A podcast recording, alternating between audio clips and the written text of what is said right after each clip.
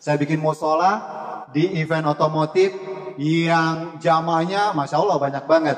Tapi Allah malah memberikan saya sebuah penyakit yang sangat mematikan. Serangan jantung, eng ing eng. Dua bulan kemudian saya pasang balon jantung dua lagi. Jadi total sudah tiga ring, dua balon jantung saya dari sini. Saya jual mobil saya, saya jual rumah saya, saya jual semua aset saya, saya tutup riba. Sekarang saya ngontrak sekeluarga di daerah Cengkareng, ayo tinggalkan riba. Jangan pernah takut miskin karena Allah akan memberikan semuanya. Yakin dua bulan kurang lebih saya jual rumah saya, saya jual mobil saya. Alhamdulillah alamin, saya dapat mobil cash and carry dan saya sudah dapat rumah sekarang. Alhamdulillah alamin. Takbir. Takbir. Sebelum mulai, yuk dukung dakwah Fetizon TV dengan like, subscribe, dan nyalakan notifikasi. Jazakumullahu khairan katsira.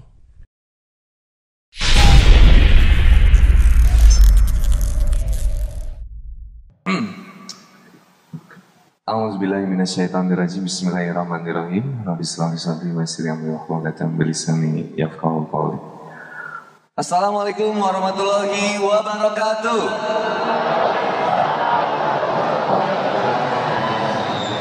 Alhamdulillah, alhamdulillahilladzi anzala sakinata fi qulubil mu'minin liyazdadu imana ma imanihim. Asyhadu an la ilaha illallah wahdahu la syarikalah wa asyhadu anna Muhammadan abduhu wa rasuluh. Allahumma salli ala Muhammad wa ala alihi wa sahbihi wa man tabi'ahum ihsani ila yaumiddin. Qala Allah Ta'ala fi kitabil karim. A'udzu billahi minasyaitonir rajim. Ya ayyuhalladzina amanu taqullaha haqqa tuqatih wa la tamutunna illa wa antum muslimun. Alhamdulillah, syukurillah, senang banget bisa ada di kota Semarang kalau bagi jomblo, Semarang jadi singkatan Serikat Mantan Priang. Senang banget bisa ketemu sama AA-AA yang ganteng-ganteng. Cie. Sama teteh-teteh yang cantik-cantik. Mudah-mudahan menjadi bidadari surga insya Allah. Amin. Mudah-mudahan yang belum nikah segera menikah. Yang ikhwan juga ya, Mudah-mudahan yang datang ke auditorium ini dalam keadaan berpacaran mudah-mudahan diputuskan oleh Allah Subhanahu wa taala insyaallah. Semangat banget sih antum. Tahuan jomblo seumur hidupnya. Alhamdulillah, syukurillah, senang banget sekali lagi bahagia banget bisa berada di acara Muslim Brotherhood Semarang Semarak Takbir. Hah? Eh banjir takbir Mudah-mudahan acara ini senantiasa mampu mengantarkan kita untuk lebih dekat kepada Allah Subhanahu wa taala insyaallah. Nih kita bertiga nih sebenarnya malu ya berada di sini gitu. Jadi kalau filosofinya pohon pepaya pohon pepaya pohon pepaya itu buah yang matang itu justru di bawah. Buah yang matang itu adanya di atas. Nah, yang di bawah itu matang, yang di atas itu masih mentah. Jadi kita ini sebagai pembelajar sebenarnya datang ke Semarang ini.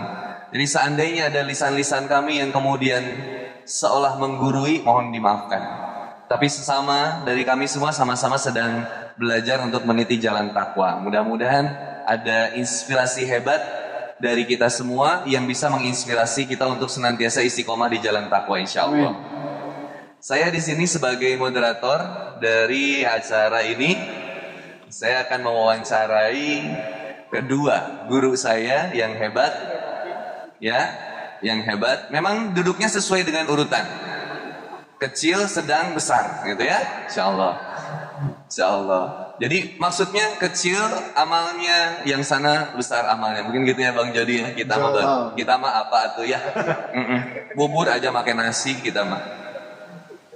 Yang pertama kita akan sharing, perkenalkan guru saya tercinta, rekan partner saya dalam bekerja dulu. Wah, Masya Allah. Bang Jody, tepuk tangan buat Bang Jody. Takbir.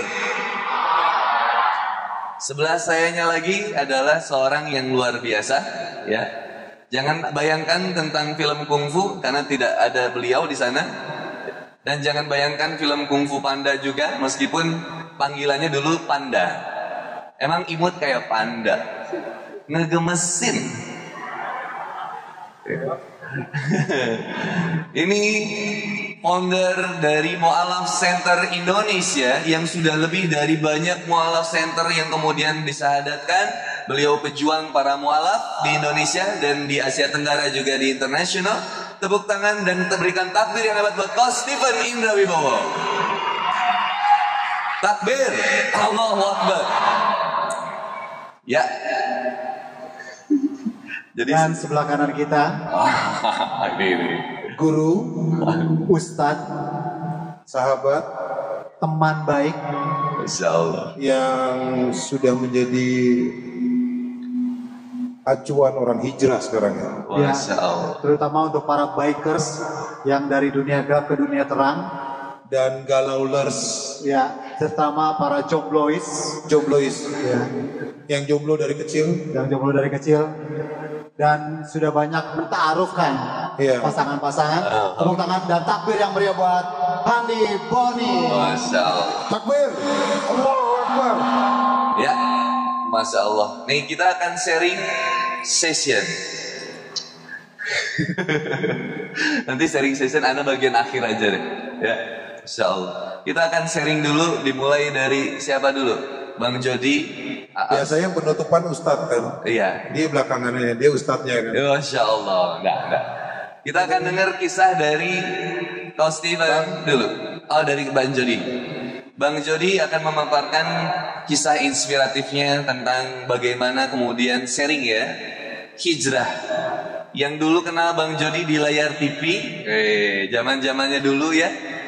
Ada salah satu yang beliau perjuangkan di sana dan kemudian akhirnya beliau memilih untuk kemudian berhijrah di jalan Allah Subhanahu wa taala. Nah, Ini yang menariknya luar biasa. Insya Allah kita akan mendengarkan kisah dari Bang Jody eh, besok ya, karena sekarang waktunya saya tausiah aja. Enggak. Insya Allah kita akan mendengarkan kisah dari Bang Jody. Tafadol, Bang. Bismillahirrahmanirrahim. Langsung aja ya. Karena waktunya juga bentar lagi akan maghrib. 2016 saya terkena serangan jantung. Dan itu dua hari setelah saya membuat musola di sebuah event otomotif. Yang notabene saya agak seuzon dengan Allah karena saya pikir saya sudah membuat atau melakukan sesuatu yang sangat luar biasa. Saya bikin musola di event otomotif yang jamaahnya Masya Allah banyak banget. Tapi Allah malah memberikan saya sebuah penyakit yang sangat mematikan. Serangan jantung, eng ing eng. Setahun saya mencari kenapa kok bisa saya kena serangan jantung. Tahun itu juga saya mencoba untuk bisa eh, mendekatkan diri sama Allah dan mencari, terus mencari sampai ke akhirnya tahun 2017 saya pasang ring. Nggak tanggung-tanggung, eh, Maret saya pasang ring satu, sebulan kemudian saya pasang ring lagi, saya anpal yang kedua, dua bulan kemudian saya pasang balon jantung dua lagi. Jadi total sudah tiga ring, dua balon jantung saya dari sini. Di situ saya mikir gitu, kok saya bisa kena seperti ini? Ternyata setelah saya muasabah, muasabah, Allah sayang sama saya. Saya dikasih kesempatan bagaimana mensyukuri apa yang saya dapat. Terus setelah itu saya mencoba belajar kembali, saya mencoba bagaimana saya memaksakan diri saya untuk tepat waktu, lima waktu di tepat waktu dan berjamaah. Berat rasanya awal-awalnya, tapi ternyata kunciannya cuma satu yaitu dipaksain. Saya paksakan diri saya untuk ke masjid, saya paksakan diri saya untuk membaca Al-Quran, saya paksakan diri saya untuk tahajud, saya paksakan saya untuk sunnah, sunnah, sunnah, baik tahu maupun sholat. Dari mulai sukrul wudhu, tahiyatul masjid, rawatib, mutlak, dan sebagainya, dan sebagainya. Saya belajar dari mana? Saya belajar dari Youtube. Setelah setahun, kurang lebih hampir dua tahun, barulah saya ketemu Pak teman-teman saya yang luar biasa ini. Bagaimana perjalanan saya? Yang jelas saya berat sekali. Satu di keluarga sendiri sempat dibilang ya aneh. Teman-teman sendiri cukup menjauhi saya, terutama teman-teman di motor dan sebagainya. Tapi alhamdulillah kadarullah karena saya mencoba untuk konsisten, alhamdulillah sekarang malah sekarang semuanya berbalik dan saya dipertemukan dengan teman-teman yang baik semuanya. Nah, akhwat ikhwan yang insya Allah dirahmati Allah Subhanahu wa taala. Kabar terakhir dari saya adalah saya sekarang mengontrak rumah. Saya jual mobil saya, saya jual rumah saya, saya jual semua aset saya, saya tutup riba. Sekarang saya ngontrak sekeluarga di daerah Cengkareng. Bayangin dari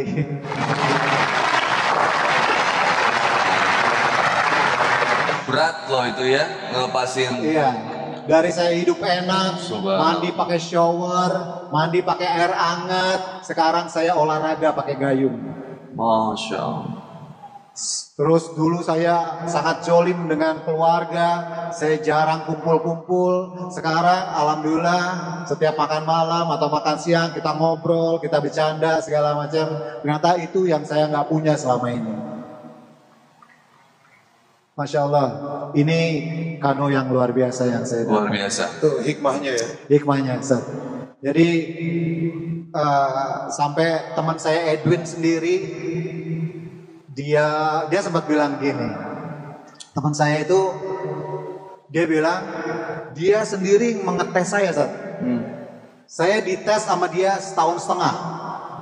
Kurang lebih seperti itu. Saya bilang, "Kenapa lu ngetes gua?" Iya, karena dia takut hijrahnya saya karena tren, hijrahnya saya karena mau mencari popularitas, Sip. hijrahnya saya karena mencari mau menjadi sesuatu yang lain dari yang lain. Tapi melihat saya konsekuen, saya mencoba tetap kekeh di jalan yang saya kepengen. Alhamdulillah 2018 saya sama Edwin dapat endorse umroh bareng. Allahu Akbar. Masya Allah. Alhamdulillah. Gak lama kemudian 2019 saya ditawarin lagi umroh. Dua-duanya di endorse. Kenapa? Karena saya tidak punya uang. Saya bekerja pun sudah tidak. IO-IO, PH-PH, semuanya sama mengatakannya. Jangan pakai jodi. Karena ring jantung. Nanti dia kenapa-napa lagi. Di lokasi setting meninggal lagi. Atau di eh, panggung dia meninggal lagi. Jujur saya sempat depresi. Jujur saya sempat tertekan. Jujur saya sempat tidak punya percaya diri. Dan saya takut meninggal.